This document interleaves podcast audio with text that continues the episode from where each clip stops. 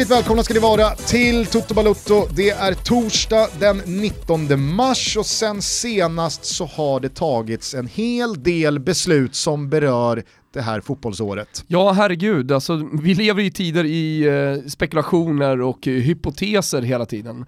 Det känns som att det ändras hela tiden. Och eh, det senaste är ju att Uefa haft möte och hela fotbollsvärlden påverkas ju såklart av mästerskapet som nu är officiellt uppskjutet till 2021. Eh, Vare sig Nilla Fischer vill det eller inte. Breakades av norrmännen. Trots att de inte fick. Otroligt. Och sen när det då är liksom, eh, det blir ramaskri, så står baggarna på sig. Ja! Jo men alltså vi frågade, kan vi köra ut det här? Och fick ett ja. ja. Så att, ja, Kommuni kommunikationen är väl kanske inte hundra då, mellan baggarna och, och, övriga Uefa. Det är inte ofta man creddar norrmännen, men eh, kudos till baggarna som stod på sig här. ska de ha. Men vad, vi kan väl bara inleda det här avsnittet med lite information då. Vad är det som gäller för er som har missat det? Det som gäller är till att börja med då att eh, Uefa tog ett beslut, eh, ett väldigt väntat beslut. Mm. Italien gick ju i bräschen med att ska vi på något sätt kunna färdig... Pepsi. Ja, ja men den sätter, den sätter, Nej, men ska man på något sätt kunna eh, färdigspela den här eh, ligasäsongen mm. och inte göra som då till exempel SHL, att bara stryka ett streck över den och ja, göra ingenting av det som eh, spelats, mm. så behövde man ju skjuta upp EM. Och eh, nu så är det till och med datumklubbat va? 11 juni 2021. 11 juni 2021, ja precis. Så Får vi hoppas att det är inga igång. nya virus och skit. Det är i alla fall planen. Lars-Christer Olsson som eh, inte bara är ordförande för SEF utan även är eh, ja, någon slags topdog även inom Uefas exekutiva kommitté. Han svarade på min fråga om det här igår i eh, Simors extrainsatta fotbollsonsdag. Mm. Eh, att planen... Där är ni på tå va Gustav? Ja, får man väl säga. Mm. Han sa att ambitionen och planen är fortfarande att genomföra mästerskapet så som det var tänkt att hållas i år.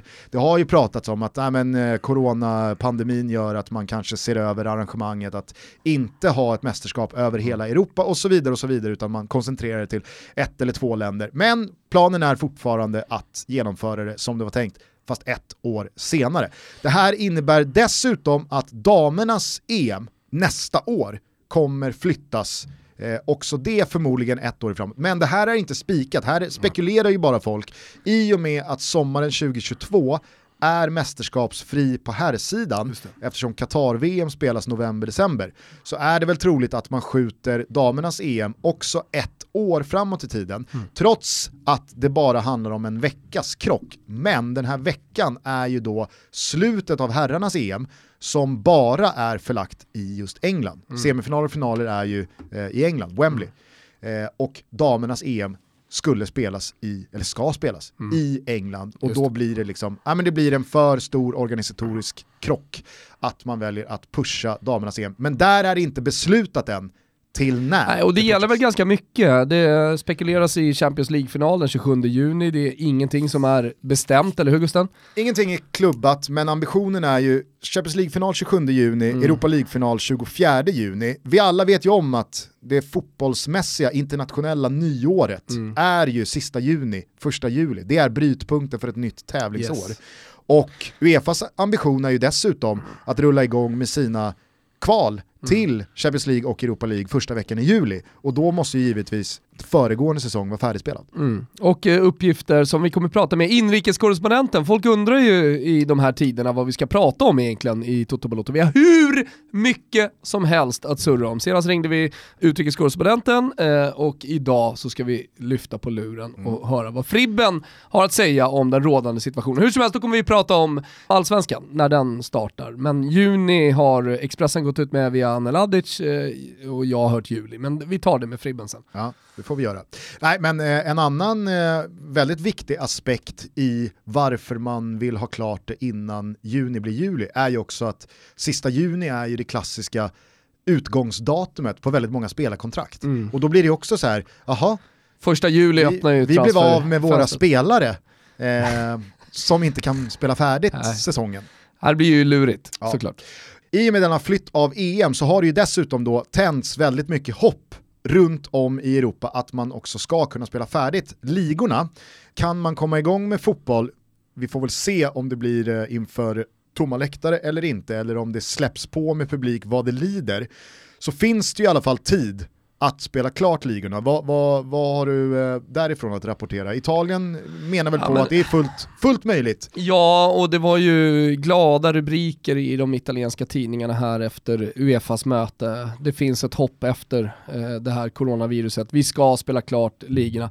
Å andra sidan så såg jag att det dog eh, nästan 500 personer igår i Ja, det var väl den Italien. högsta Ja. dödssiffran under 24 timmar igår, Ja. samma dag liksom. Ja, det är väldigt många äldre som, som har drabbats av coronaviruset och de, de har ju svårt att stå, i, stå pall det helt enkelt. Eh, Så att, ja, de dör ju som flugor där borta nu, så därför har man jättesvårt att se att eh, den här ligan överhuvudtaget kommer kunna spelas eh, den här våren. Men eh, så är det sagt, eh, Gazzetta dello Sport, de, de, liksom, de kör på med ljusa rubriker, det blir fotboll i maj. Samtidigt som alltså, så här, det, det, det är ju på väg att, eh, alltså Spanien är inte långt bakom Italien vad gäller upptrappningen i Nej. liksom, karantän, panik, eh, det är verkligen eh, hårda bud eh, vad gäller eh, att röra sig ute på gator och torg. Så att, jag menar, där tror jag också att man är ganska många veckor bort. Och är det någonting man har förstått de senaste dagarna är ju att England är ännu längre bakom Spanien men på väg dit. Ja. Så att jag tror att eh, England brukar ju vara, i alla fall med, med, med Premier League som eh, kronjuvel, Mm. lite de som sätter agendan. Jag tror ju inte att det kommer spelas fotboll i Italien och Spanien om det inte görs det i England. Nej, det vet du fan i och för sig alltså. Italienarna verkar ju leva sitt eget liv eh, vad det gäller eh, deras egen liga och jag tror att de kommer besluta själva. Men då vill det ju till att den här karantänen som de har eh, haft under ganska lång tid nu verkligen ger resultat också.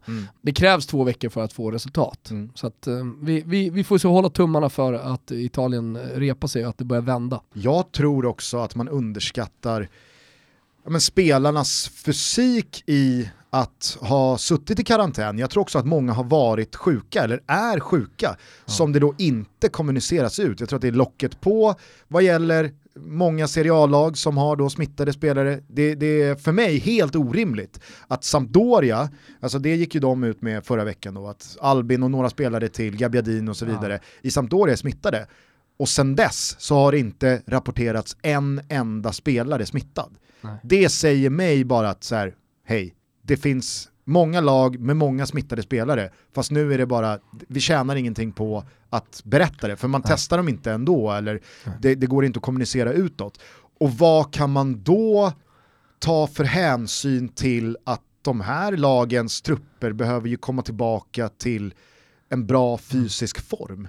Alltså, det är inte bara att sitta i karantän och vara sjuk i två, tre veckor och sen gå ut och spela Serie A-fotboll igen. Nej. Och har då ett lag drabbats hårdare än ett annat, vad är rättvist? Alltså så här, Nej, jag såg nu att Ninkovic och Jovic, alltså Luka Jovic i Real Madrid, Ninkovic spelar han i Hellas Verona tror jag, nu har blivit eh, anmälda och eh, bötfällda för att de inte har respekterat eh, karantänförbudet i Serbien. De är hemma då. det hände väl även med Mason Mount och Declan Rice. De är ju polare eh, ungdomslandslagen i England. Mason. Mount i Chelsea, Declan Rice West Ham. Barndomspolare va? Ja, de gick ju ner till lokala lilla fotbollsplan i området där de bor och Mm. kickade boll. Sen såg jag Dries Mertens var ute och jogga, men eh, där var det carte blanche, det var blå reggskylt på Dries Mertens i Nea- Neapel. Ja, ja, det förstår man ju. Hur trött är man inte annars på alla balkongsånger? Alltså jag, jag, jag känner mig väldigt ensam i motståndsrörelsen mot de här jävla balkongfilmerna. Men jag vill inte bli den här trötta figuren Såg du, vänta, som såg du? pushar för hårt anti-balkongfilmer. Nej, nej, nej. Men eh, jag, jag ville bara säga, jag har blivit inbjuden på Facebook att gå med i gruppen Applådera en minut från din balkong eh, klockan 20.00 i Sverige. Mm. Alltså, hur trött är inte den Facebookgruppen? Kommer det stå några nissar? kommer inte få något genomslag det här ju, i Sverige. Framförallt kommer, Folk inte, skäms ju. framförallt kommer det inte hjälpa. Det kommer inte hjälpa någonting. Nej, kommer det inte göra. Ja, men det är bra att folk håller modet uppe i alla fall. Vi får väl helt enkelt se vad nästa beslut eller besked eh, gällande ligaspel är Ja, för det vi någonting. väntar på, det stora, det är ju vad SEF eh, ska säga. Alltså vad sker kring all, vad är planen kring allsvenskan? Och det borde ju komma kanske as we speak, de sitter i möten nu. Mm. Samtidigt som det igår kväll kom uppgifter om eh, att AIK har en smitta i laget och att Ja. laget är satt i karantän. Ja. Och jag menar, precis som att jag är övertygad om att eh, seriallag har drabbats hårdare än vad som har kommunicerats post Sampdorias fyra manna eh, besked för någon vecka sedan så är jag helt övertygad om att ja, alltså det är klart att allsvenska lag också har eh, Jo men är det någonting problem. man har förstått så är det att väldigt många liksom, får coronaviruset utan att eh, få några symptom mm. överhuvudtaget. Så det, det, det är ju omöjligt nu. Sen så är det väl så att om det ska spelas allsvensk fotboll först i juni så finns det ju bra många veckor kvar att spela på vad gäller karantän och sen bygga upp det och så vidare. Det jag är lite nyfiken över det är ju att klubbarna har varit så rörande överens om att vi spelar inte allsvensk fotboll förrän det finns publik på arenorna. Och det känns ju som att, ja men det, jag vet inte, jag är absolut ingen expert här, men det känns som att det skiljer en hel del i tidsplan vad gäller avspark för allsvenskan om man kan spela utan publik mm. kontra om man måste spela med publik som är klubbarnas gemensamma vilja. Ja, nej men absolut. Eh, och oavsett vad som händer så är det ju tuffa tider liksom. Mm. det inte spelas någon fotboll så får de allsvenska klubbarna, inte bara de allsvenska, alla klubbar får problem. Eh, eh, som räknar med publikintäkter för att kunna betala räkningar och, och löner.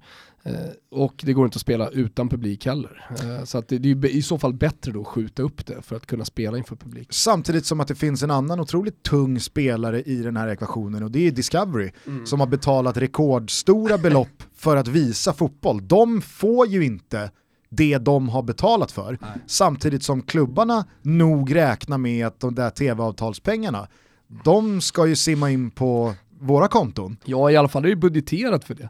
Så och man vad, har ju kostnader därefter också. Och vad händer ifall Discovery börjar dra åt skruvarna ja. i att, men vänta här nu, mm. vad får vi för alla våra hundratals miljoner som vi har? Vi har också löner att betala. Exakt, och går det då att spela fotboll fast inför tomma läktare så går det i alla fall att titta mm. på fotbollen via deras kanaler. Så att jag vet inte, det, det... Jag kan tänka mig att det är dynamiska möten nu på SEF. Ja, det är... Det här är en, en gordisk knut. Ja, är det det? Jo men det är det väl. Ja, Sen så ja, återstår det, det, väl att se vem som då blir herre över Asien. Mm. Som löser den gordiska knuten. Mm. Men eh, jag tror inte att det bara är så lätt, alltså det är det ju såklart inte, men det, det, är ju inte bara så lätt som att det finns klubbarna och så finns det eh, SEF och, och, förbundet, utan med Discovery, med sponsorer. Det finns en så jävla lätt lösning heller. Alltså. Nej, jag säger bara att det är ju inte så förenklat som att det är klubbar som vill spela utan publik och SEF och förbundet som bestämmer när man kan göra det. På inrådan av ja, vilka det nu är som ger grönt ljus för det. Utan det finns ju så jävla många andra faktorer i det här. Discovery en, sponsorer, mm. alltså, i, som har gått in i klubbarna med sina pengar. Medlemmarna, supportrarna som, alltså du vet. Det finns en del force majeure i, i kontrakt nu som kommer att uh, kicka in. Jag är helt övertygad om också att väldigt många klubbar kommer stå och falla med mm. generositeten och uh, givmildheten från sina supportrar. Mm. Inte bara hoppas på att det kommer simma in ganska så rejäla likvida medel för att hålla sig flytande från dem, utan också räkna med det. Ja.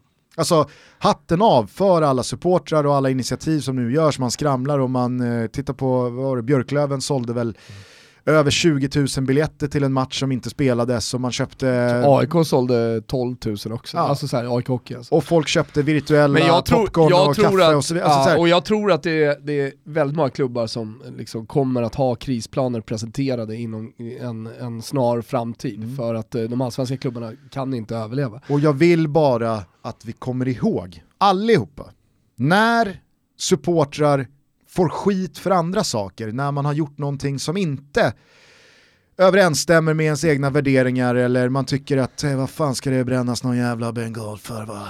Och så blir det uppskjuten avspark eller läktare. Det är ganska tydligt i sådana här tider vilka det är som är fotbollen. Exakt, det är, och det är det jag man, menar. Det kan låta Kom som ihåg en här nu, Kom ihåg här nu vilka det är som i väldigt hög utsträckning mm. kommer hålla jobb, eh, vid liv, som kommer hålla klubbarna flytande, som kommer visa vad klubbarna betyder för dem. Mm. Och att det i slutändan är det som... Ja, supportrarna kommer rädda allsvenskan och eh, klubbarna. Och det ska inte glömmas av. Nej. På ett halvår och sen så När ni man en banger och, ska kör, eh, dödförklara fotbollen, ja. då, då eh, kanske ni kan tänka till två gånger. Eller kollektiva bestraffningar i form av tomma läktare. Och då att- tänker många så här, jo men man kan hålla två tankar i huvudet samtidigt, det är väl inget bra med banger, eh, men man kan ändå liksom gilla supporterkulturen.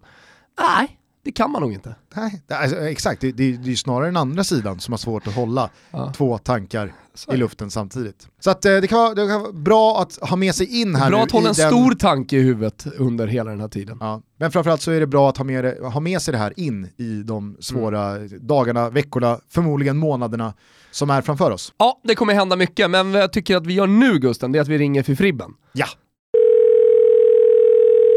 Tjena!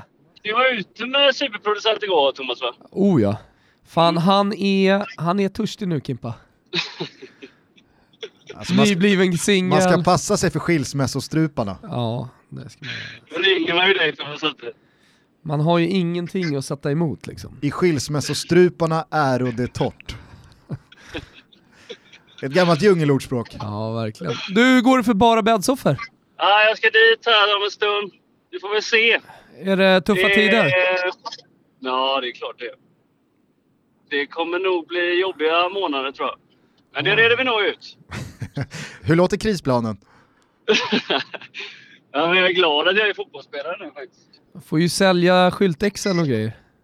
Ja, jo men så. Men vänta här nu, var då glad att du är fotbollsspelare? De börjar väl eh, permittera fotbollsspelare snart? Eller hur ligger det Ja. till med det där? Ja, det är väl inte omöjligt. Men där är vi inte än i alla fall. Ja, det är Så jag har väl några månader här kvar. Men jag menar, du måste ju stå högst upp på listan hos Sonny när man ser över truppen. Vem man kan skicka ut på andra gig och uppdrag inom klubben. Ja, Jag tror jag skickar mig tidigt. Alltså, tänk dig en eh, sex månaders försäsong. Då vet du fan hur, det, hur läget är rent fotbollsmässigt. Vad är status annars i Häcken? Vad gör ni? Nej, men vi, har, vi har tränat denna veckan. Vi, vi samlas på Bravida nu. Eller man ska vara klar för, för träning 10.30. Sen får man göra vad man vill innan det. Om man vill byta om hemma eller om man eh, kommer in snabbt och byter om i omklädningsrummet. Man har ju läst om säkerhetsavstånd i samhället, på bussar och på möten och alltihopa. Är det, någon, det är ingenting som, som eh, Häcken kör? Säkerhetsavstånd på träningarna? Nej, så kör vi inte. Vi har ju eh, Jönköping Södra nu på lördag 3 gånger 45 Vad tycker du om, Tre eh, gånger 45? va, vad tycker du om matchupplägget Ja. 3 gånger 45 Ja, Det är inte så att det spritter i benen kanske, men det är... Alltså, Vem kom på idén? Vem fan kom Ja, på idén? inte så. 32 minuten får ju en helt ny innebörd i 3 gånger 45 Det är långt kvar i 32 Ja, men nu är det det som är hemma och sådär också, så jag vet inte fan om det blir 3 gånger 45 Jag kan tänka mig, det brukar jag alltid säga så, sen blir det ändå 2 gånger 45 när man kör igång. Men alltså rent konkret så skulle ni ha spelat cupkvartsfinal eh, förra helgen, eh, ni har J Södra i 3 gånger 45 här i helgen. Va, va, vad vet ni mer om liksom, eh, framtiden konkret? Eller tar man vecka för vecka? Ja, det är klart vi gör. Vi vet ju inte mer än vad ni vet, eller man får läsa det via media. För det- De har ju de här snacken, så tar det en kvart och ser det ut i någon tidning. Så vi, alltså, vi, vi går ju på det som, det som sägs bara. Men det är väl oklart hur det, hur det kommer bli. Jag frågade Lars-Christer Olsson igår, alltså ordföranden i SEF, eh, om eh, det var enighet som rådde kring eh, mötet här vad gäller den svenska säsongstarten. För jag tänkte att fan, kanske ändå att Häcken är det enda laget som säger vadå, vi kan väl köra igång utan publik. det, det gör väl för fan inget. Vad gnäller alla om? Exakt. Välkomna till vår verklighet. Ja. Nej, vi har börjat bli starka nu. Publikmässigt. Så att det, är- nej, det är klart vi ska spela med publik, men det är, vi får ju se. Det går ju nog inte att skjuta det så mycket längre än till juni, fattar jag. Nej, exakt. Alltså, någon, någonstans måste man ju få ihop ett, eh, ett spelår Ja. i kalendern. Ja, jag, jag hörde att någon slags beslut skulle komma idag. Kring det. Att de har haft möten igår och, och det har kommit uppgifter nu, jag såg Anel Avdic på Expressen skrev att eh, man skulle dra igång då i juni, att han hade fått uppgifter om det. Eh, Mina uppgifter säger första juli. Tajt. Och ett annat gammalt djungelordspråk det är att när Wilbur José sitter på uppgifter så brukar de sällan stämma. Alltså nu vet man att det börjar i juni. Exakt. Då kan vi klubba juni. Om Wilbur José har första juli, då siktar vi andra in oss på 10 juni. Det var ju som när jag breakade här att Ragnik var klar för, eh, för, för Milan. Man vet ju att den dealen spricker ju. Nej, det tror jag inte. Däremot så är det ju liksom så här, det är ju i alla avseenden nya givar som har delats ut i och med Så coronaviruset. Så. Så att skulle det nu inte bli Ralf Rangnick till Milan, så är det coronats fel. så har du ju alltid corona-exiten Och skylla på. att smita in genom. Så är det. Men du, eh, det har ju börjat eh, liksom i alla fall eh, läggas upp på bordet någon slags här, nu har vi chansen att gå över till höst-vår. Vad är dina 50 öre kring en höst-vår-lösning? Eh, nej, det tror jag inte kommer ske. Du är inte Eller hur dundersugen på understället? Eller jag vet det. Nej, men jag har svårt att se att det kommer. Vi får ju fan, jag har ju knappt bra gräsplan i september liksom. Samtidigt, lediga somrar, ett par veckor med familjen. Det har de ju ändå allsvenskan, de är ju ledigt i juli, eller nej, juni. Så det är mästerskapsår varannat år också, då är, man, då är, då är ju sådana som Fribben och övriga lediga. Men eh, vad fan har du att säga om eh, truppen annars då? Det har ju hänt en del grejer. Paulinho lämnade ju i och för sig redan i höstas, men han gick till Bayern. In kom Alexander Söderlund. Hur fan har Mm. Norrbaggen, eh, hur har hans första tid varit? Ja, men de har börjat bra tycker jag, alla de nya. Både han och finnen där har vi också en... Eh, Var det Tuominen? Ja. Så att de, eh, de har sett bra ut i kuppen. Det har inte blivit några mål än, men det, det får de hålla på. Vad är det för ålder Men på Tuominen?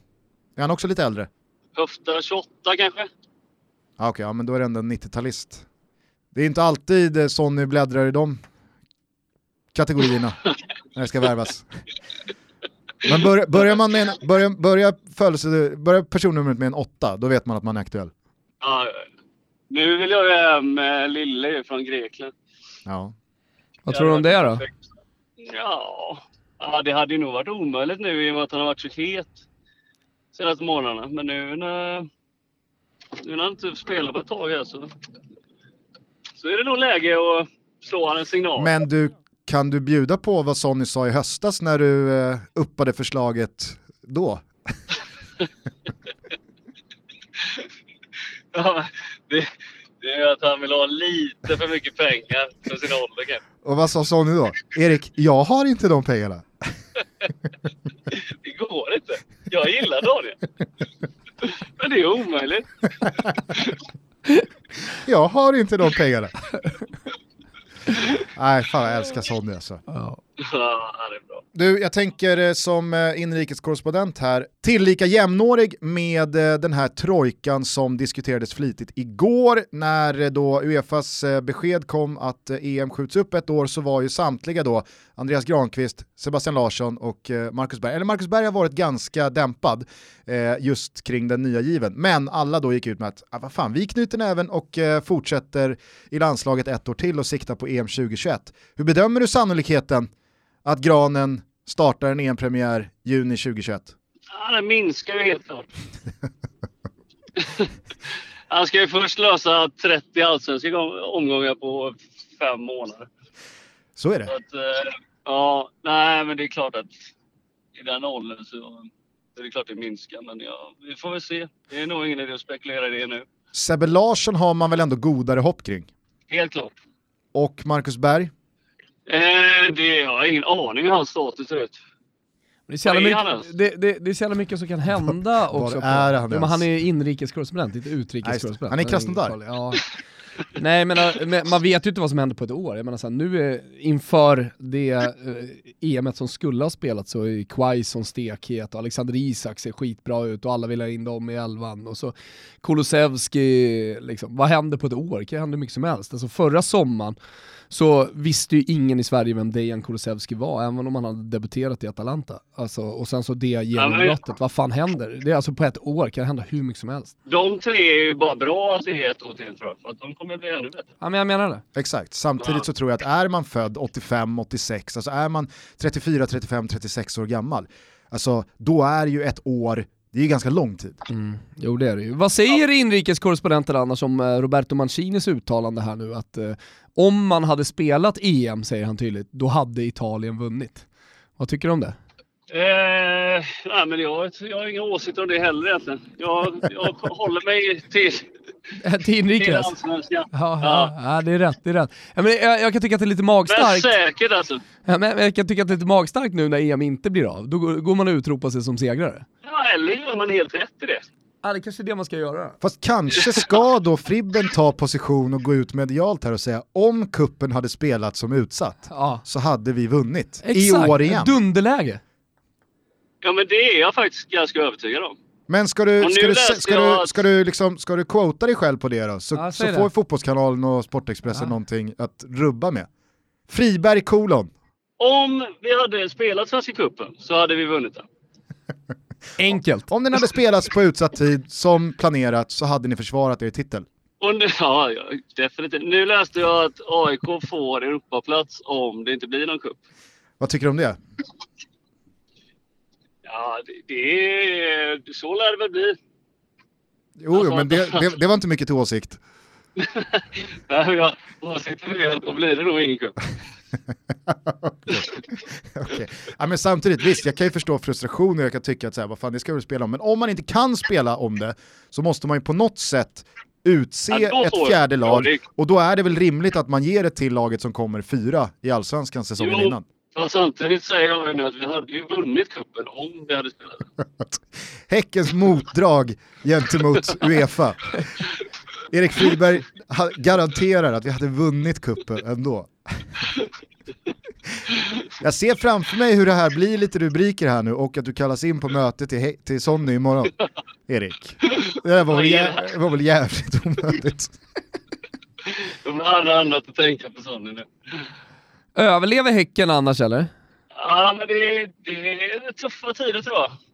Vet alla de här, alltså det ska in sponsorpengar och sådär för företag som har, som har det tufft och sen är det Gotia. Eh, kan nog också bli inställt. Eh, Ja. Men nej, överlever gör gör väl. Alltså det har de väl byggt upp. De har ju byggt upp vad var det, 80 miljoner eller något på som eget kapital. Men Ja. det får ju inte, eh, det går fort. Det gör ju Det var det. jävligt svårt att bli av med de pengarna. Men samtidigt är det nog andra lag som har det eh, ännu värre. Tänker du på något speciellt lag eller? Nu när vi ändå är i rubriksvängar här. Nej men Östersund, det går ju. Jag vet inte hur det är. De var tvungna att få ihop 20 miljoner innan juni va? Ja, 3 juni. När, eh, de ita- ju- när, när de italienska lagen gick igenom ekonomiska stålba- stålbad på tidigt 2000-tal, eh, Fiorentina gick i konkurs, andra lag eh, med, med dem. Eh, sen blev det aktuellt att då Roma och Lazio som hade enorma skulder eh, skulle ja, såklart också gå samma öde till mötes.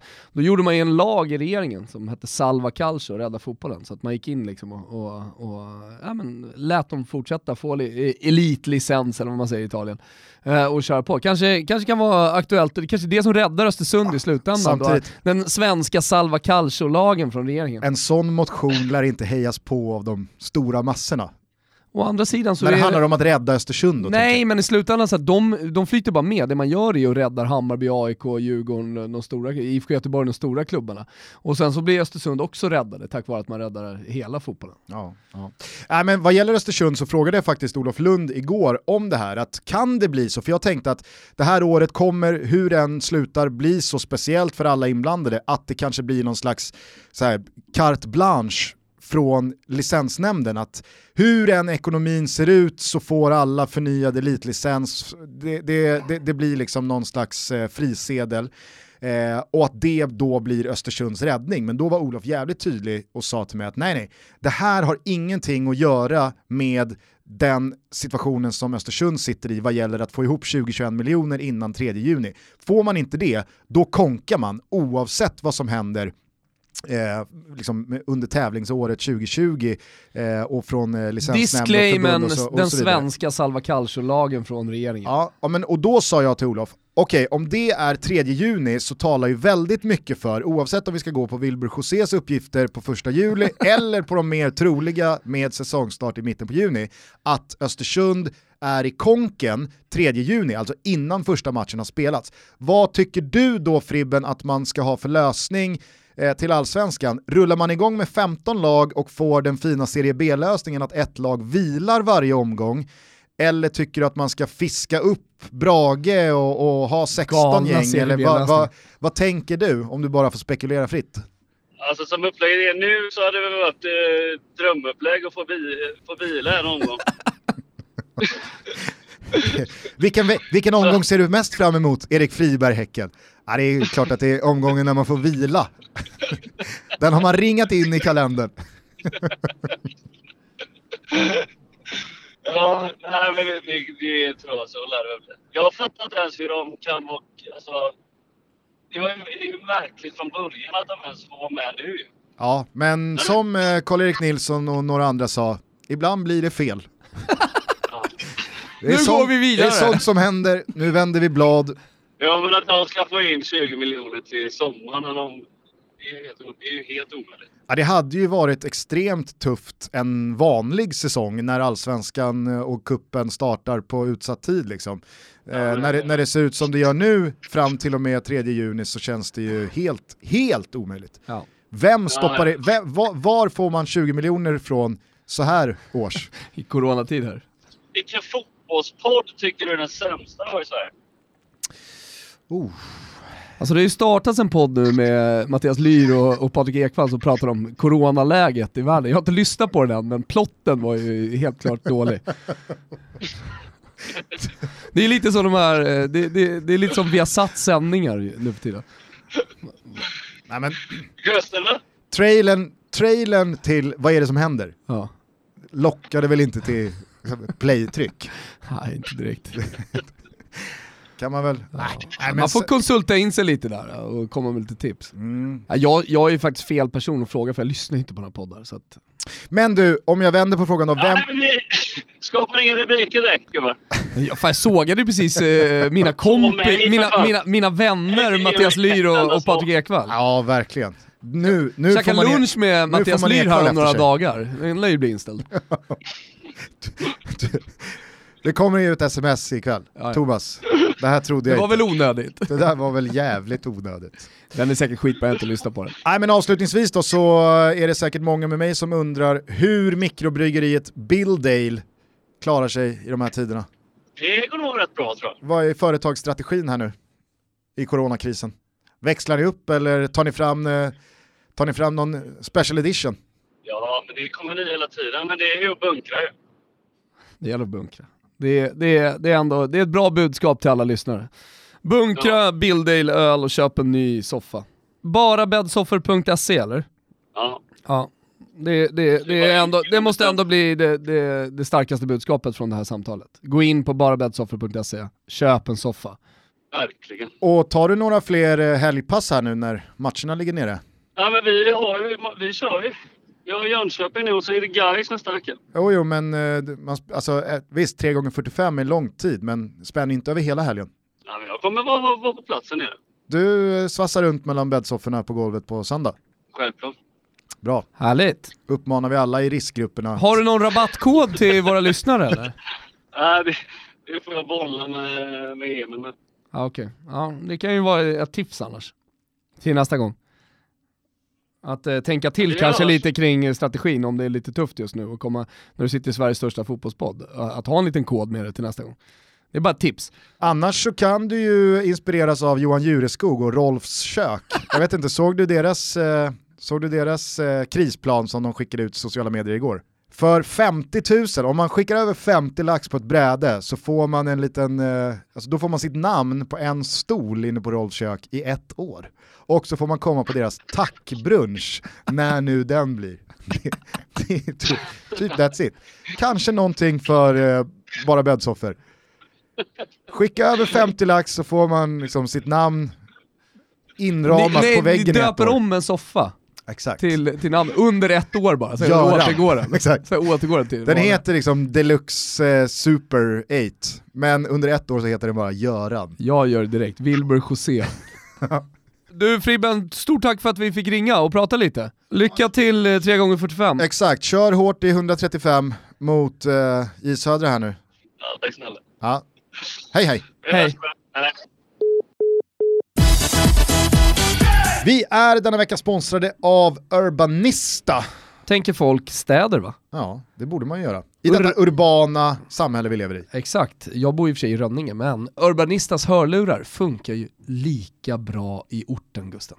Ja det gör de sannoliken. Ja. Eh, det är hörlurar och högtalare vi pratar om. Yes. För er som inte är bekanta med Urbanista så tycker jag att urbanista.com är en måste-destination redan nu. Ja, de erbjuder produkter med en unik design, för det tycker jag är viktigt eh, när man ska ha hörlurar, att man är lite cool och snygg. Och det är ju definitivt Urbanista. De finns online i över 20 000 butiker i 80 länder runt om i världen. Ja men det hör ju Gusten, det här breder ut sig. Urbanista, de är högtalare, de är hörlurar och de är över hela världen. Det är en skandinavisk design och en funktionalitet anpassad för ett liv i rörelse. Ja, och då kan du, då Ser kanske man, du tittar, du, nej men ja, jag tittar Gustav, du tittar skeptiskt och, och tänker att den där kroppen rör sig inte. Var och käkade nya pjuck häromdagen och nu när eh, min hosta är över så ska jag ge mig ut i löparspåren. Och vad passar inte bättre då än ett par Athens-lurar Gusten? Det är alltså bluetooth-lurar. Små rackare som du bara liksom ploppar in i örat och som är gjorda för att springa med. Det finns ju en del sådana här sladdlösa som folk går omkring med, som man dock inte kan träna i, eller det, funkar inte speciellt bra, de ploppar ur och så. Men de här är klockrena. Athens, det är min rekommendation. Och nu, dessutom, 25% rabatt. Med koden TOTOBALUTTO Ja. på urbanista.com. Ska vi ta en bokstavering för de som skippade engelska lektionerna? Eller? Ur, urbanista. Ja. Ja. Borde man ändå greppa. Ja, det borde man greppa. U-R-B-A-N-I-S-T-A. Ja, jag, tror, jag tror inte det behövs. Kom med C. Ja, de kommer fortsätta vara med här i podden, så jag tror inte att vi behöver bokstavera framöver. Koden TOTOBALUTTO 25% den gäller fram till 12 april! Passa på! Vi säger stort tack till Urbanista som är med och möjliggör Toto Balutto. Stort tack. Ska vi kanske efterlysa en inrikeskorrespondent jingel? Ja, Vi har ju en jag. väldigt härlig och bra jingel till utrikeskorrespondenten som superproducent Kim Wirsén fick damma av här i senaste avsnittet. det var glad. Då var han väldigt glad. Det vore ju kul om eh, vi nu kommer lyfta luren lite oftare Mm. och det är väl ganska troligt att vi lär göra eh, under de här coronatiderna till Fribben. Och då vore det väl väldigt eh, härligt om eh, någon eh, kreativ lyssnare hade kunnat bidra med en inrikeskorrejingel. Antingen så går man då på Dannes jingel som inspiration och liksom gör något liknande. Kanske kör man Ghostbusters även på Fribbens. Ingen aning, alltså det här lämnar vi till er Eller så lyssnare. går man åt rakt motsatt håll och så vidare. Och så vidare. så att, eh, skicka era bidrag till oss eh, på totobalota.gmail.com. Mm. Alltid öppet där va. Eh, Lyssna, mm i sådana här tider så vill man ju vara lite kreativ. En gång i tiden gjorde vi Calciomania, då pratade vi om Hall of Fame och så valde vi in spelare i Hall of Fame som vi tyckte förtjänade det. Eh, där vi gick kanske lite mer på djupet eh, kring en spelare. Det här har vi diskuterat i Toto sinsemellan, du och jag Gusten. Fan, det kanske är någonting vi ska göra och ha som stående inslag. Och i dessa tider så funkar det perfekt. Därför har vi då valt eh, varsin spelare i det här avsnittet som eh, vi tycker förtjänar att lyfta, som kanske inte får den credden, eller man kanske inte minns dem som man borde göra, som vi har väl, stora, eh, stora härliga fotbollsspelare. Vi har väl arbetsnamn eh, jobbat med Never Forget som ett samlingsnamn för det här segmentet. Mm. Du fiskar upp en spelare eller ledare från liksom eh, brunnen av de bortglömda och jag gör samma sak och så kanske vi gör det i varje avsnitt framöver ett tag här nu eller vartannat avsnitt eller när vi nu känner för det. Så att never forget, vem får vi aldrig glömma? Som har börjat glömmas av. Jo, men jag tycker att eh, en gammal Milan-spelare förtjänar att lyftas. Eh, det var en gång i tiden den absolut bästa fotbollsspelaren i världen. I alla fall så pratade man om honom. Han blev den dyraste spelaren någonsin när han såldes då från Torino till Silvio Berlusconis Milan för 18,5 miljarder lire. Hur mycket pengar är det då, Gustav? Satan vad man har tappat eh, liruträkningen. Ja, 13 miljoner pund har man eh, räknat om det till. Eh, vi pratar 1992.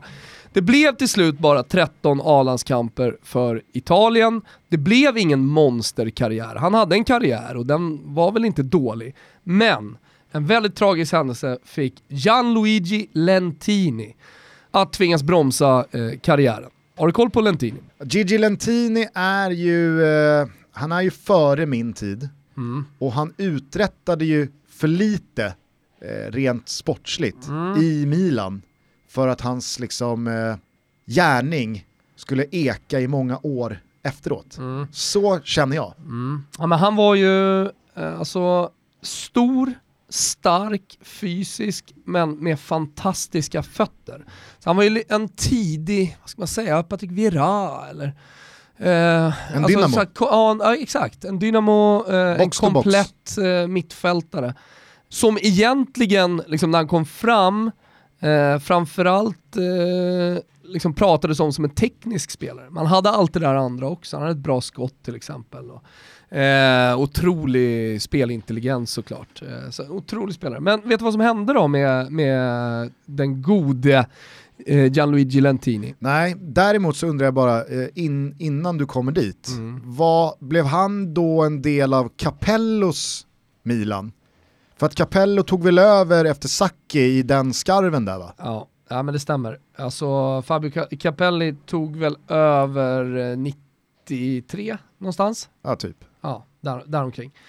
Eh, han har också sagt att han var eh, den största talangen som han har tränat. Han var eh, stark, snabb, fysisk, riktigt, riktigt bra. Men det som hände var att han krockade med sin Porsche. Körde med, alltså han hade fått punka, körde med det här uh, lilldäcket du vet som du uh, slänger på, som du max får köra typ 60-70 med. Ja, Skottkärredäcket. Ja, problemet var att han körde 180. Och vad hände då? Jo, tappade däcket, smällde rätt in i ett träd och eh, han låg i koma i flera dagar. Han tappade syn sen, eh, som blev bestående. Men som eh, många liksom har sagt i efterhand, han kom aldrig tillbaka. Det var någonting med hans sätt att röra sig på planen som man nästan, liksom, du och jag kan se om vi ser matcher tidigt, Lentini, och sen när han spelar i Torino som han liksom gör helt okej okay och är en bra, viktig spelare för Torino. Men det är inte, han blev aldrig den stora, fantastiska spelaren som alla förväntade sig eh, att han skulle bli. Var han eh, full eller eh, påverkad? Nej, nej, nej, nej, eller var han bara dum i huvudet? Nej, det var, det var bara dumt. Jo men alltså vem trycker upp bilen i, vad sa du, 100?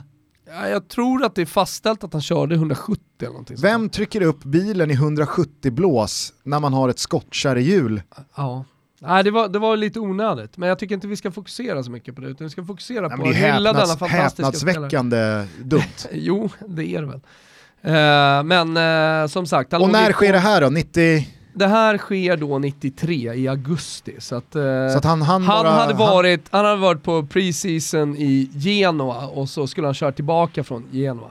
han fick ju bland annat skallfrakturer, alltså han, han, var, han var nära att dö. Men så att han var ett år i Milan bara? Alltså innan det här? Eh, precis, han kom till Milan 92 ja. Så mm. att, det, det, här var ju, det här var ju bara en säsong. Ja. Och sen blev det aldrig det blev aldrig något mer? Nej, men han, for, jo, alltså han fortsatte spela, gick sen, försökte komma tillbaka i Milan, han gjorde ju matcher men han blev ju aldrig så bra som man hade förväntat sig. Sen så blev det Atalanta och så blev det Torino och Cosenza. Så eh, han var en Serie A-spelare som han förhöll sig till såklart, men, men eh, vi pratar ju om en talang som redan hade eh, blommat ut och som redan hade fått sitt stora break och som jag säger, han var, han var den dyraste spelaren någonsin när han gick till Milan för 13 miljoner pund. Hur eh, gammal var han eh, när han gick till eh, Han är född Milan? 69, så han mm. var 23 bast. Vi hade ju en, vi hade ju en upplagd mall här för våra Never Forget-spelare mm. som vi skulle förhålla oss till. Känslan är att du, du tog en öl för mycket istället med producent Kim Wirsén igår. Samt. Och sen gick du till La Ragazza och hade en pangkväll. Ja. Och nu så kör du lite du, du tar Lentini på volley här. Vill du, vi, ja, volley och volley. Alltså jag kan ju Lentini, det finns ingen anledning för mig att uh, läsa på kring honom. Det är min gubbe va, har alltid varit. Ja, eh, vad, vad sa du, han född 60? 69. 69, så att han är 23 bara Precis. när han går till Milan och han smäller när han är 24. Och han han liksom åstadkomma någonting i Torino eh, under de säsongerna eller Absolut. var han bara, alltså, var han bara en otroligt, alltså, så var, var, det lite typ, ifall Belotti hade lämnat Torino i sommar så hade ju inte Belotti, han hade ju inte kommit ihåg för sin Torino-tid i form av någon framgång. Nej, men han kom, alltså Torino-support, för Torino-supportrarna så är han lite av en legendar. Han var bra i Torino, han var en viktig spelare, plus att det var i Torino som han breakade. Men de vann inget, alltså det är det nej, jag menar. Nej, alltså han vann ju med Milan, alltså för att han var med i truppen. Men uh, han, han, han breakade ju tidigt, han var bara 17 bast när han uh, slog igenom i Torino. Sen så gjorde han, alltså det var 86, sen gjorde han ju flera säsonger fram till 92 när han blev såld. Uh, 111 matcher för Torino, sen så kom han till Milan. Vad gör han idag då? Ja, men han är ju född i Carmagnola, vi pratar Piemonte va, Gustens nordvästra Italien. Mm. Eh, så efter karriären så flyttar han hem till Carmagnola, lever ett stilla liv och gissa vad han pysslar med? Nej det kan du inte gissa. Kan han vara... Honungsproducent. Svårt. Aha. Svårt att gissa rätt. Där. Eh, Den är rätt svår, eller hur? Ja. Nej, så, så nu sysslar han, nu är han i honungsbranschen va. Okej. Okay. Men eh, Gigi Lentini, Gigi Lentini. Väl värd detta lilla utrymme i Toto Balutto. Vi ska komma ihåg honom. Ja, eller hur? det tycker jag. Pepsi Can Balance rullar på, Gusten. Själv sitter jag och sipprar på en Pepsi Max. det hade du inte kunnat tro va? Som vanligt. Jajamensan. Den där, ja. den där kroppen behandlar du som ett tempel. Ja men så är det och det är ju faktiskt ett nyårslöfte också. Jag ska dricka mer Pepsi än vad jag någonsin har gjort tidigare under 2020. Och det är många som hakar på, det mm. gläder mig. Vi kör ju Carl Jan nyårslöftet ja, varje år. Mer Pepsi i år än föregående år. Men hörni, vad gäller tävlingen som vi har kört tillsammans med Pepsi, alltså Pepsi Can Balance, ni har sett våra otroliga balansakter mm. i våra sociala medier. Svanus försökte med någon nej, deppig historia nej. på foten, gick sådär. Låt oss inte prata om det. Ni har sett eh, Mohamed Salah, Messi, Pogba och så vidare ja, göra helt otroliga saker. Johannes Pettersson. Alltså han, ja. han, han, han, går ju i bräschen verkligen. Kör på i hashtag ja, eh, Pepsi Can Nej men vi har ju dunkat på den tävlingen här senaste tiden mot då crescendot, finalen i Champions League i slutet på maj. Ja. Men som alla vet, coronaviruset ville annat med denna internationella fotbollssäsong. Så att Pepsi har här en hälsning. Deras främsta prioritering är hälsan och säkerheten för alla konsumenter, fans, spelare och personal. Och vi stödjer Uefas beslut att prioritera detta. Som stolt partner ser vi fram emot återupptagandet av den fantastiska turneringen Champions League när det väl sker, men förändringarna som har skett, som alla är med på, som ingen har missat, har gjort att vi får helt enkelt eh, revidera första priset. Ja men nu är det många som tänker så här, nu blir det inget första pris, gud vad tråkigt, det blir ingen Champions League. Aj, aj, aj. Klart att det blir ett första pris. Berätta Gusten. Äh, men vi skickar in en värsting-TV från Samsung i potten. Det har pratats om 62 tum. Mm. Vissa gör gällande att det handlar om ännu fler tum än så. Vi vet inte riktigt. Nej. Men en, en värsting-TV värsting från Samsung ja. är en värsting-TV från Samsung. Och visst, en Champions League-final på plats. Det är klart att det är, det är en mäktig Jag tar hellre TVn. Men den består inte dagen efter. Så är det. Däremot, värsting-tv från Samsung, den, den, står där och glittrar ja, även dagen efter Champions League-finalen, när den nu spelas. Mm. Så att fortsätt skicka in era bidrag i hashtag PepsiCanBalance, släng på hashtaggen TotoPepsi också, så missar vi ingenting. Och sen så låter ni kreativiteten flöda. Vi säger stort tack till Pepsi för att ni är med och möjliggör Toto Balotto, men också för att ni är så på tå i dessa coronatider. Stort tack. Eh, en annan spelare som vi ska komma ihåg, never forget, får aldrig glömma, det är Chris Sutton. ja, nej det är sant. Vem är Chris Sutton för dig? Chris Sutton, eh, jag tänker på Celtic, jag tänker på en stor stark målskytt, jag tänker på polare med Henke, typ mm. sådana grejer. Tänker du att det var en eh, nykterist eller tänker du att han var stark på julfesterna? Stark på julfesterna. Var... Chris Sutton känns som eh, en som gick i bräschen. Han spottade inte i glaset Nej. när det väl var julpipa. Nej. Nej. Det är nog en korrekt eh, bedömning Jag, jag kan tänka mig att Chris Sutton idag inte säljer honung. Exakt. Nej men eh, vi kan ta det här från början. Chris Sutton, han föddes i Nottingham 1973, kom fram i Norwich i slutet på 80-talet, tidigt 90-tal och eh, när han lämnade Norwich 1994 och gick till Blackburn Rovers så blev han den dyraste engelska spelaren genom tiderna. Han kostade då 5 miljoner pund, så att fan vad högt de måste ha värderat sina italienska spelare om Lentini då gick för 13 miljoner pund två år tidigare. Mm. Satan du. Eh, jag skulle säga att Chris Sutton pikade karriärsmässigt den efterföljande säsongen, nämligen 94-95. Och för er som kan ert Premier League så vet ni att det var säsongen då just Blackburn vann sin hittills enda Premier League-titel. Tredje ligatitel totalt, de har två eh, mm. ligatitlar från tidigt 1900-tal. Så det här är ju Blackburns stora stund i den moderna fotbollshistorien. Och vem sprang han jämte på topp då, då tror du? Kommer du ihåg det? Uff. Kanske det nickstarkaste anfallspar som någonsin beträtt Det är ett anfallspar som inte finns längre. Uh, när man spelar med två nior. Fantastiskt, vilka tider det var. De kallades SAS. Berätta då. Sutton and Shearer. Såklart. Alltså det jävla anfallsparet. Chris Sutton, Alan Shearer bombade tillsammans in 49 mål i Premier League när då Blackburn gick segrande. King Kenny Dalglish lyfte pokalen. Det straffområdet ville man inte vara mittback i. Nej, och han var ju en av de här gamla 80-tal, 90-tal i England anfallarna som var skolade som mittbackar. Som blev anfallare i liksom 18-årsåldern för att de var stora jävla vitvaror, starka på huvudet. Ja, men upp med Ponne på topp lite grann. ja, verkligen. Kanske är det det som Ponne borde se över. Varför jag kanske bara ska bli anfallare. Ja. Chris Sutton var en av de första spelarna att pissa på den oskrivna regeln att spela tillbaka bollen vid skada borta mot Arsenal 1997 tror jag. Han gnuggade fram en hörna eh, istället för att eh, då skicka tillbaka bollen till Arsenal och eh, den här hörnan gjorde Blackburn mål på. Det här målet innebar att Arsenal förlorade sin Champions League-plats till Newcastle på målskillnad i den sista omgången. Så det här blev han ju verkligen liksom bespottad och hatad för Chris Sutton. Men han eh, skulle fortsätta pissa på domare och regler senare i karriären. Han var en riktig så här, grisig mm. vinnare. Mm. Kosta vad det kosta vill. Ibland så behöver man inte spela tillbaka bollen om man inte tycker att spelaren har gått ner för skada av rätt anledning. Det här pratade vi om med Fribbe, kommer du ihåg det? I fallet då Häcken mot just Bayern mm. eh, på Tele2 för två år sedan eller något. Mm. När Jiloan Ahmad inte kastade tillbaka bollen till Häcken för att någon mittback hade gått ner för kramp. Typisk diskussion som man inte kan hålla, för att det går inte att vara partisk i, i det här fallet. Nej. Nej, men det säger så... du bajare, ja då står du på Gilles ja. sida. Är du inte Bayern? Ja, jo, precis. Så. Jo men ja. du försvarar ju alltid dina spelare. Exakt. Det är bara och ändå ska det diskuteras. Det jag skulle referera till då var att Gille själv menade att jo men det är ju vårt sätt att spela fotboll, det är ju vår, liksom, det är vår förtjänst att en spelare har fått kramp. Visst. Så att det, varför ska vi straffas för ja, att vi men... då tröttar ut motståndaren? Som sagt. Ja.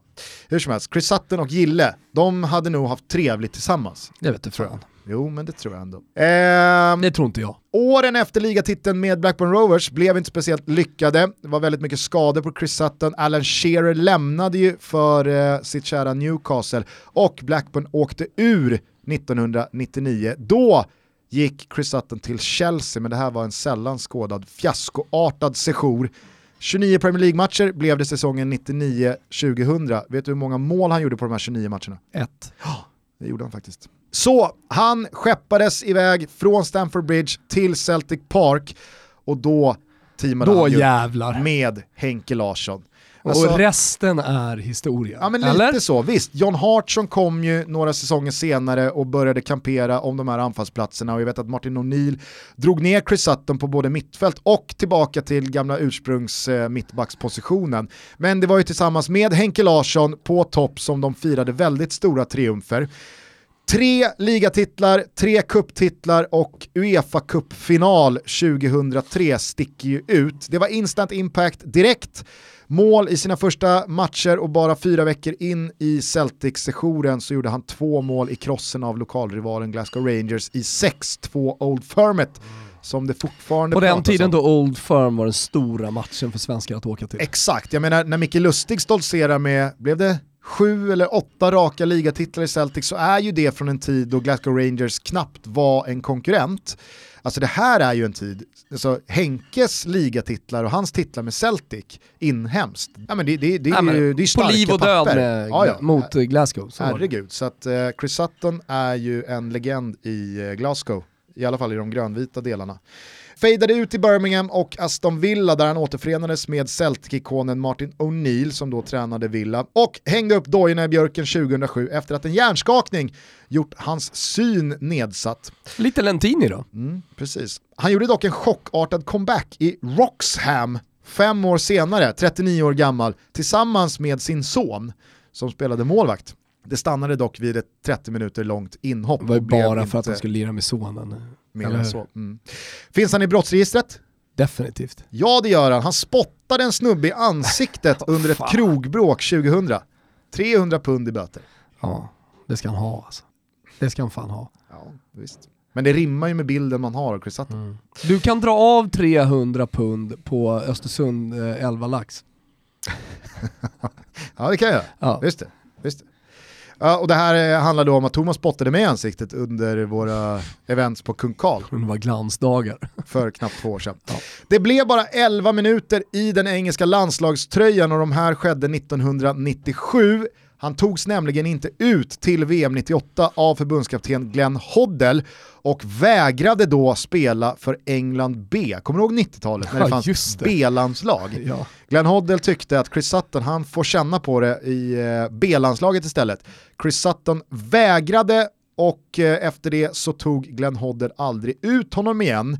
Och när Glenn Hoddle sen försvann, ja då hade också Chris Sutton blivit lite till åren och gått ner sig lite. Så att eh, när Svennis tog över Just till exempel, då var det ju Michael Owen och andra spelartyper, Emil Heskey, Peter mm. Crouch och så vidare. Så att, eh, det blev aldrig någon landslagskarriär för Chris Sutton, jävligt tråkigt. Och det tror jag också är en anledning till att väldigt många har glömt av honom som den stora anfallare han faktiskt var. Så ja, never forget, Chris Sutton. Chris Sutton och Gigi Lentini. Mm, så är det. Som jag nämnde tidigare i avsnittet så körde vi ett extra insatt eh, fotbollsonsdag special igår på Sportkanalen och Simor. Mm. Ambitionen är att fortsätta med de här sändningarna kommande onsdagar också. Så att eh, håll utkik med era simor abonnemang när vi dyker upp i studion. Det finns ju dock väldigt mycket annat som inte är tablåbelagt utan som ligger där on demand vad gäller sportdokumentärer. Och i senaste avsnittet så flaggade jag ju för att jag skulle se den här nya Barca-dokumentären. Ja, hur var den? Den var faktiskt otrolig. Alltså Aha. över alla förväntningar måste jag säga. Vad jag såg, bara, jag har inte sett den än, men jag såg att det var starka röster som var med. Ja, ja. Nej, men alltså, det är inte som man har snackat med någon gammal Mattis så här, om, om barca nej, nej, nej, utan det är, det är toppnamn. Va? Det är, alltså det, de enda namnen som saknades hade väl varit ja, men José Mourinho och någon Real Madrid-spelare. Mm. Men eftersom det är väldigt mycket rivalitet, alltså de utgår ju väldigt mycket från eh, främst då säsongen 2010-2011 i och med att själva grundprincipen i dokumentären är att Pep Guardiolas Barca pikade i Champions League-finalen 2011. Och då kanske du minns, så slog de ju ut Real Madrid i semifinalen. Det var ju fyra El Clasico på typ tre veckor, mm. våren 2011 där. Och i och med att det blev så stökigt, Mourinho petade Tito Villanova i ögat och det var ju fullständig kaos på, på planen, så fattade jag att ingen Real Madrid-spelare kanske var så jävla sugen på Nej. att sätta sig ner och, och, prata om det här. Men det är alltså, det är Piqué, det är Messi, det är Busquets, det är Xavi, det är Iniesta, det är Victor Valdes, eh, det är Dani Alves. Dani Alves är ett super bright och sympatisk Asså. i den här dokumentären, måste jag verkligen säga. Det är Juan Laporta, det är eh, Jordi Cruyff, alltså eh, Johan Cruyffs eh, son, eh, Fabio Capello, som mm. vi har mm. pratat om, han är med. Eh, jävligt roligt eh, när han då i första halvlek redan, kommer du ihåg när Messi debuterar i eh, Barsas A-lag? Det är väl vad, augusti 2004? Ja, jag tänkte säga det. Ja så är det ju eh, en träningsmatch mellan Barcelona och Juventus, det är en uppvisningsmatch. Mm. På Camp Audi Cup typ? Ja men typ, alltså, så jag tror att den heter Cam Gamper. Ja. Eh, det, var, det, det spelas väl inte längre, men då några år så spelades Gamper. Eh, whatever that was. Ja. Eh, Messi fick i alla fall sin första start med A-laget och då var det ju liksom, det var Ronaldinho, det var Xavi och Puyol och det, det var ju riktiga gardet, men eh, Messi, vad fan är det här? Mm. Och då säger, vad fan det nu var som berättade det, hur som helst, de går fram till Viera som är i Juventus då och säger att du, ta det jävligt lugnt med Messi, för det där kommer bli världens bästa spelare. Mm. Så att får inte för dig någonting Nej. här och, och, och lacka ur en någonting. Och sen så är det ju Messi show direkt. Och Capello går fram till Frank Rijkaard under första halvlek, och där finns det bilder på, och frågar du tror inte att jag kan låna den här spelaren den här säsongen? För att han är för ung för att spela med Barsas A-lag, men den här spelaren, han, han, han, han hade gjort sig bra i Juventus. Eh, jävligt kul, så att Capello är med också. Så här. Jag tror att det ligger på så att säga 8,2-8,3 på IMDB. För alla som vet IMDBs betygsskala, allt över 8 är ju dunder. Mm. I synnerhet när det kommer till liksom någonting så känsligt som sport, när det handlar om ett lag som Barcelona. Jag kan tänka mig hur många det är som är inne och sätter en etta i betyg Mm. för att det är Barcelona och man gillar inte Barca eller man gillar inte Messi eller vad det nu kan vara. Men eh, super eh, verkligen, så att, eh, gå in på Simor och se den här dokumentären, det tycker jag verkligen. Ja, och på tal om att se, håll koll på Betssons live-tablå. Vi kommer såklart hjälpa dem på våra sociala medier att eh, pusha ut den fotboll som faktiskt spelas. Såg att vitryska ligan skulle dra igång här. Får se om det är någonting som visas. Bate Borisov eh, skickade ut en eh, speciell Ja. liksom så här, pump it up-video till säsongstarten. Den var, den var lite märklig. Men... Eh, Fin, fint så här års under våren i, i Vitryssland. ja. Så jävla vackert ut. Ja. Helt otroligt. Men, eh, nej, men eh, håll koll på Betssons eh, tablå för att eh, de visar faktiskt en hel del eh, fotboll, den som faktiskt spelas. Precis, så att istället för att vi sitter och eh, lovar att det ska spelas matcher på söndag och utgår från dem i tripplar och så Ja, vidare, det är så är det bättre att man tar det dag för dag, in på Betsson, kolla hur tablån ser ut, kolla vad som streamas. så kommer det komma en, en liten trippel, det lovar vi. Absolut. Däremot så måste jag bara säga, du kommer ihåg våra långtidare specialare i Premier League? Yes. har ju ett par som ser riktigt bra ut. Alltså Chelsea över 17,5 olika målskyttar i Ja, Premier hur League. går den egentligen? 15. Oj! Vilka är det som ska göra mål då? Ross Barkley har inte gjort mål. Ah. Eh, det finns ett par mittbackar som inte har gjort mål. Kurt Schuma, Christensen. Jag tänker hörner, fasta situationer. Alltså Kurt Schuma har väl en coast to coast i sig. Definitivt. Christensen Speciellt ska väl kunna slutet in på säsongen, ja, fuck it all, Ja. ta bollen, dra upp den i krysset. fuck it all. Det är länge sedan man hörde det uttrycket. eh, nej men eh, eh, Ross Barkley har ju, alltså, han, han hittade ju formen rejält här nu Mm. innan eh, säsongen trycktes på paus. Så att där har jag gott hopp och det räcker ju. Tre spelare till så sitter över eh, 17,5 Härligt att eh, gnugga målskyttar. om Premier League när Premier League kommer igång. Har ju även Watford flest utvisningar. De delad ledning. Oh. Delad ledning, i och för sig med ganska många lag. Jag tror att det är en 5-6 lag som har tre röda kort. Men med tanke på Troy är tillbaka, det börjar tajta till sig där i botten, de ligger pyrt till.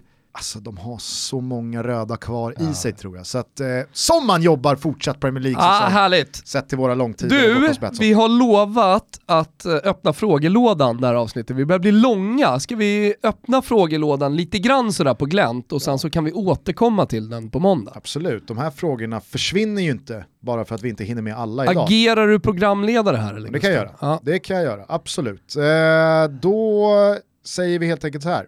Högt och lågt skrev du Gusten. Främst lågt va? Nej, inte Nej, främst. Jag skrev eh, högt och eventuellt en del lågt. Jo, men jag menar på de frågor som har kommit in. Ah, okay. Är främst lågt. Eller? Kenneth Spång undrar vad er take är på att även dam flyttas ett år för att inte krocka med herrarnas.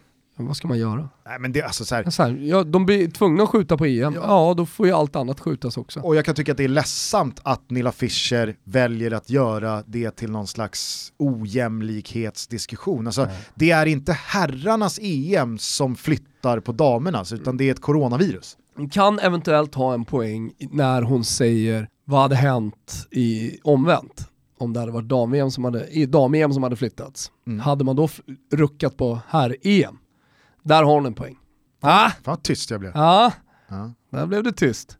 Rasmus Jonsheden, han har skrivit så här, eftersom ni glömde Hakim Ziyech när ni diskuterade inåtbrytande vänsterfotare sist, tror ni att han Nej, tar plats inte. i Chelsea? Jo men det tror jag ändå vi gjorde, för att Ziyech tycker jag är ett bra jävla namn att bolla upp i den Okej. diskussionen. Jo, det är det. Eh, tror du han, alltså så här, är det en spelare som går rakt in och höjer Chelsea? Det tror jag. Det tror jag också.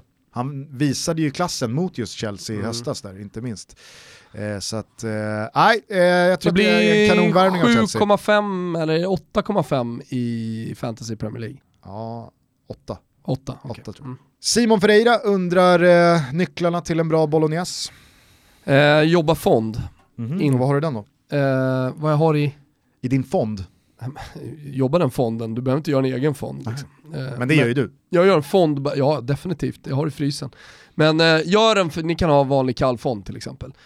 Valfritt märke, inte buljong utan jobba fond. Och sen så gör du den fondbaserad, inte tomatbaserad. Det är inte bara så att jag bara säger det, utan eh, läser man den enda kokboken, den stora kokboken, La Scienza in Cucina e l'arte di mangiar bene.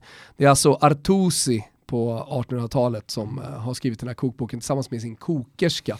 Eh, alltså vetenskapen i köket och eh, konsten att äta bra. Där är han väldigt tydlig med att det handlar om fond i bolognesen och ingen tomat.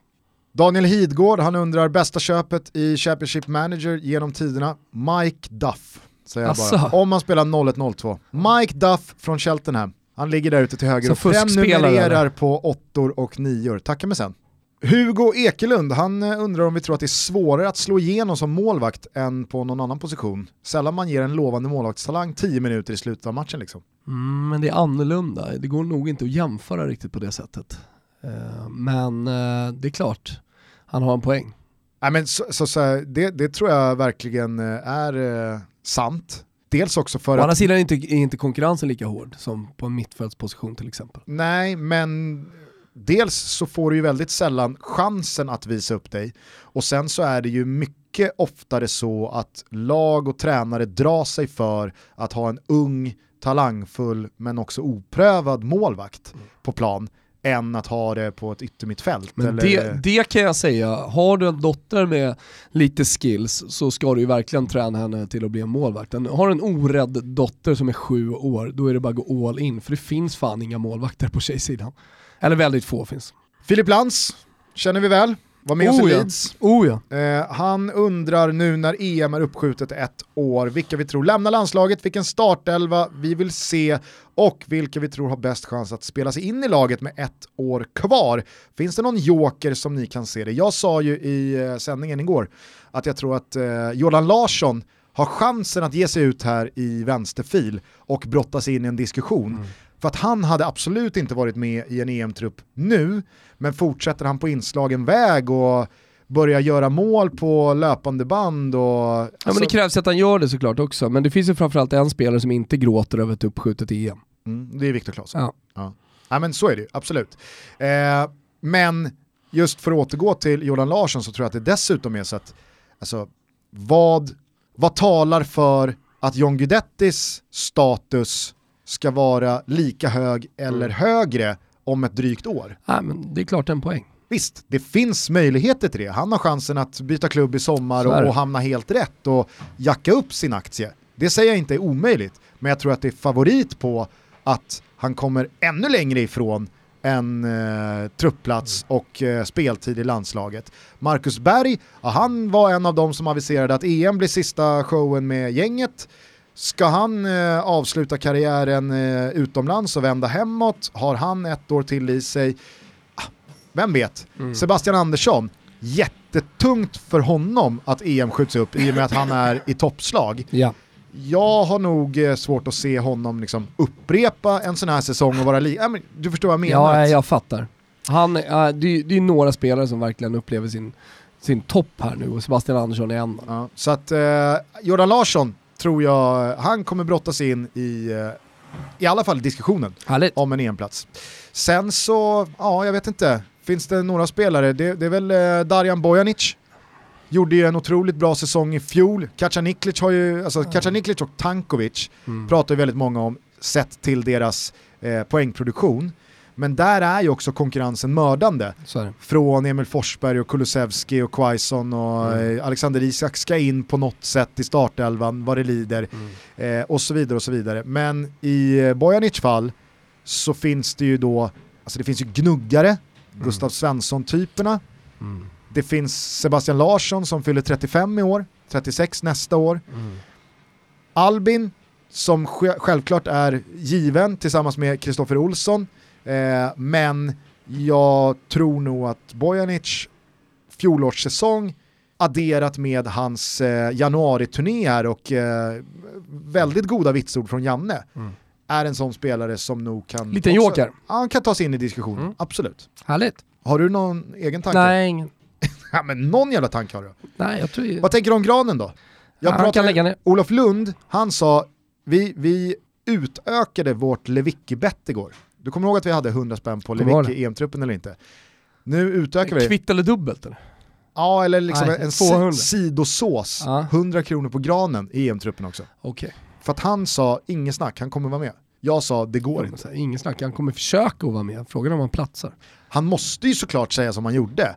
Alltså i medialt när EM skjuts upp att jag, jag siktar på att vara med, annars så, annars så diskar han Eller sig så här, själv. kan han vara i eh, VM 2018-form, ja då är han varmt välkommen att vara med i min EM-trupp. Jo men hur troligt är det då? Jag vet Tre inte. år senare. Det vet jag. Jobbig fjolårssäsong. Jo men han har ju, alltså jobbig fjolårssäsong, fysiken var inte riktigt med honom heller. Om han kan träna bättre och jag tror i hans fall, jag bara spekulerar fritt här, äta bättre, så tror jag att han kan komma i ganska bra slag. Fina fria spekulerandet kring eh, Granens kostvanor. Ja får man säga. Alexander Östling, hur många har Thomas legat med? Jag vet fan inte. En, min fru. Det var någon där som frågade vem, eh, jag hittar inte frågan nu, men eh, vem, vilken italiensk spelare har legat med flest spelare? Antonio, Cas- Cassano. alltså, Antonio Cassano har ju skickat ur sig siffran 3000. Ja. Ett Han sa också nu... tryck i den siffran. Han sa också nyligen, han verkar vara en kåt rackare, eh, att, eh, att italienarna verkligen skulle stanna hemma och göra barn. Så mer eller mindre säger han, stanna hemma och knulla. Det är bra tillfälle nu.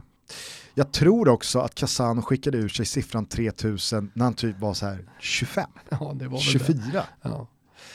Ja, det är nog många som har eh, Fick delat ligga mycket på fotboll, i fotbolls... Bari ja, med jo, Cassano. jo, jo, han fick nog ligga mer på eh, fotbollstalangen än något annat. Bungalow Bill frågar, Fritt spekulerande igen. vad skulle ni prata om i det teoretiska fall att ni skulle prata om VSK och vad skulle ni exakt säga i detta teoretiska fall? Nej, Man- jag skulle stanna och prata om eh, sportchefen eh, Robin Blomé va? Ja men alltså, det, alltså man måste ju säga att eh, ur eh, ett eh, personligt perspektiv Mm. så är ju VSK intressantare än på länge. Dels för att man är i superettan, det har man ju inte liksom skämt Ett bort sig steg själva. från allsvenskan. Exakt, man har inte skämt bort sig själva med en plats i elitfotbollen senaste decenniet. Dels så är Robin Blomé sportchef, dels är Kalle Karlsson assisterande tränare, Just det. dels så är Sean Sabetkar ny lagkapten, en mittback som jag hade väldigt ung i eh, Supergubbe. Bollstanäs 2013. Så att eh, jag tycker att VSK känns eh, spännande och efter Vigge-miljonerna som väl ramlade in i ganska strid ström för eh, några år sedan så finns det ju en framtid Ja, i. VSK som jag tror är jävligt intressant. Kanske att man gick bort sig lite när man satsade på Mjällby, när man gick på Mjällbyspåret, Mm. eller? Ja, det är möjligt. Det blev inte bra i alla fall. tror att Johannes Pettersson som eh, just nu eh, leder Pepsi Can Balance eh, är målvaktstränare i VSK. Det skulle jag prata en del om. Okay, ja. Mm. Nej men eh, Så ungdomar. som sagt, vi har, eh, vi har ögonen på Västerås SK. Det har vi. Och det kommer Ja, att bli ett mer. litet öga har jag kanske på VSK. Lilla getögat slängs ibland. Det. Det är väl vad vi teoretiskt sett skulle svara på den teoretiska frågan om vi nu skulle prata om VSK. GV, han undrar om eh, du har funderat på att eh, justera 97%-regeln. Känslan är att 97% börjar bli lågt räknat. Nej men det, den, den är perfekt va. Det är så jävla kalibrerat. Det är egentligen min kompis Dan Agerberg som är sommelier på Teatergrillen som har kommit fram med te teorin som jag fullständigt har omfamnat. Ja, Inte bara omfamnat, du har, ju, du har ju gjort den till din. Så är det. Du har ju kapat den. Jo, Men jag har också en röst, starkare röst än vad han är. Han kan gå runt på och, och småberusad på Teatergrillen och servera dyra viner. Medan jag har en podcast.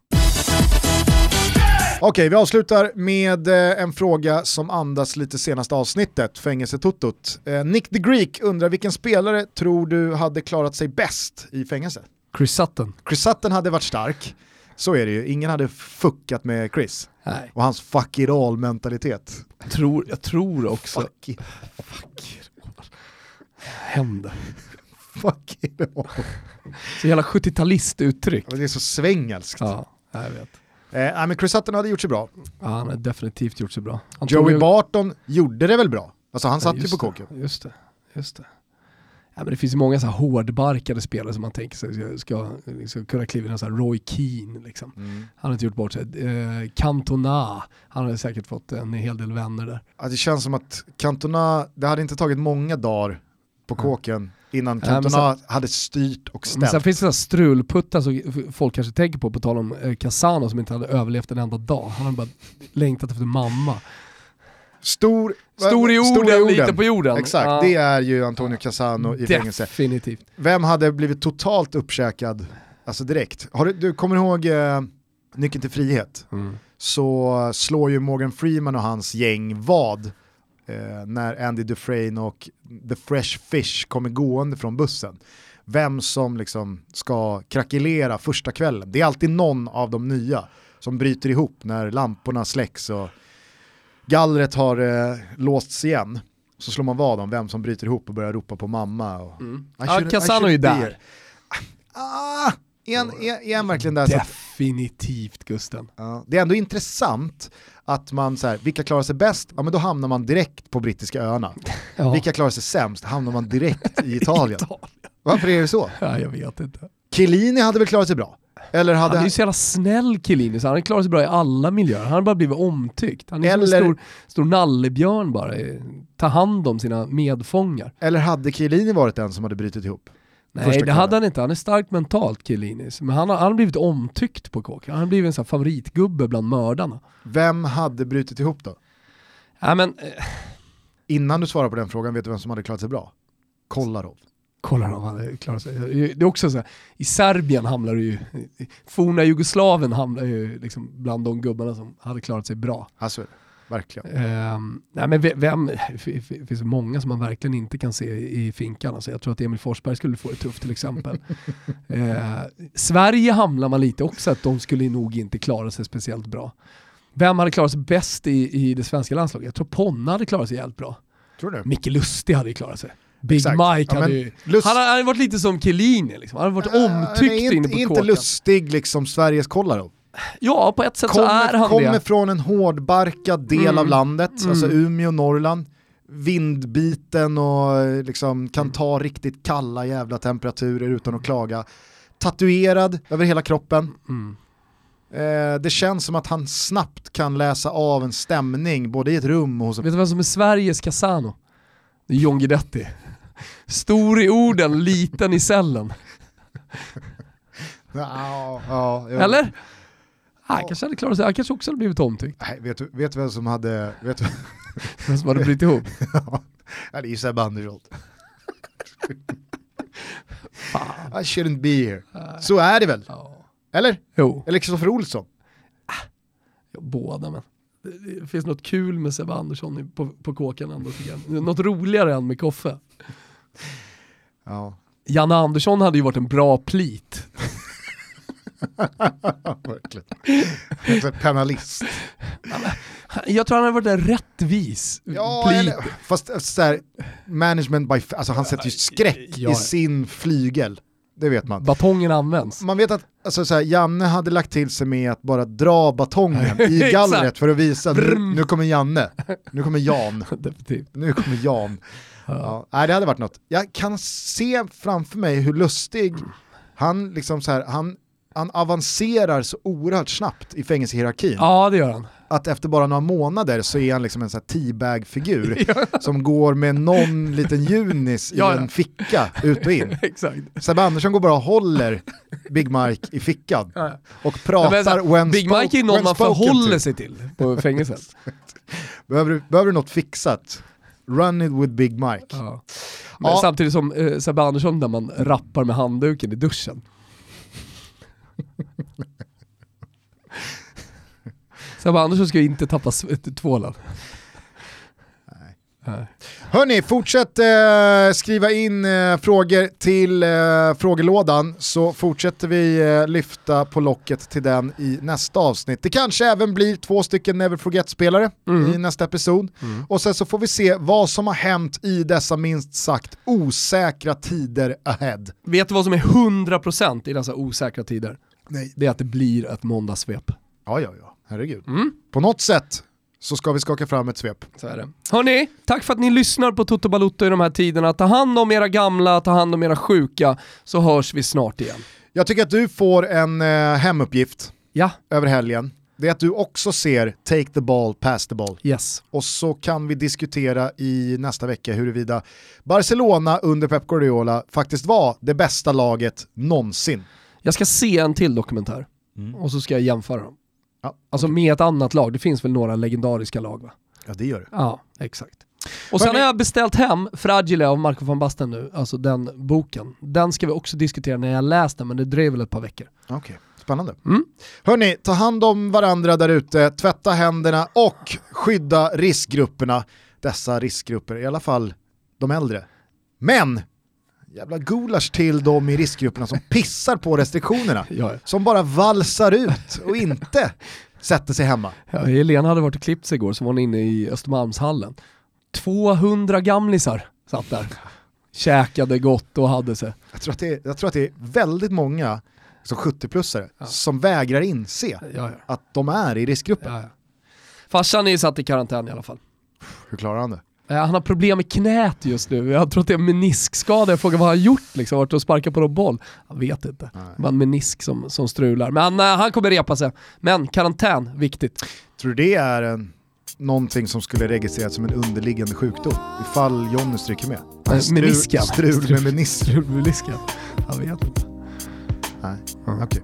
Hörni, eh, vi hörs igen nästa vecka. Trevlig helg. Ciao tutti. Ciao tutti.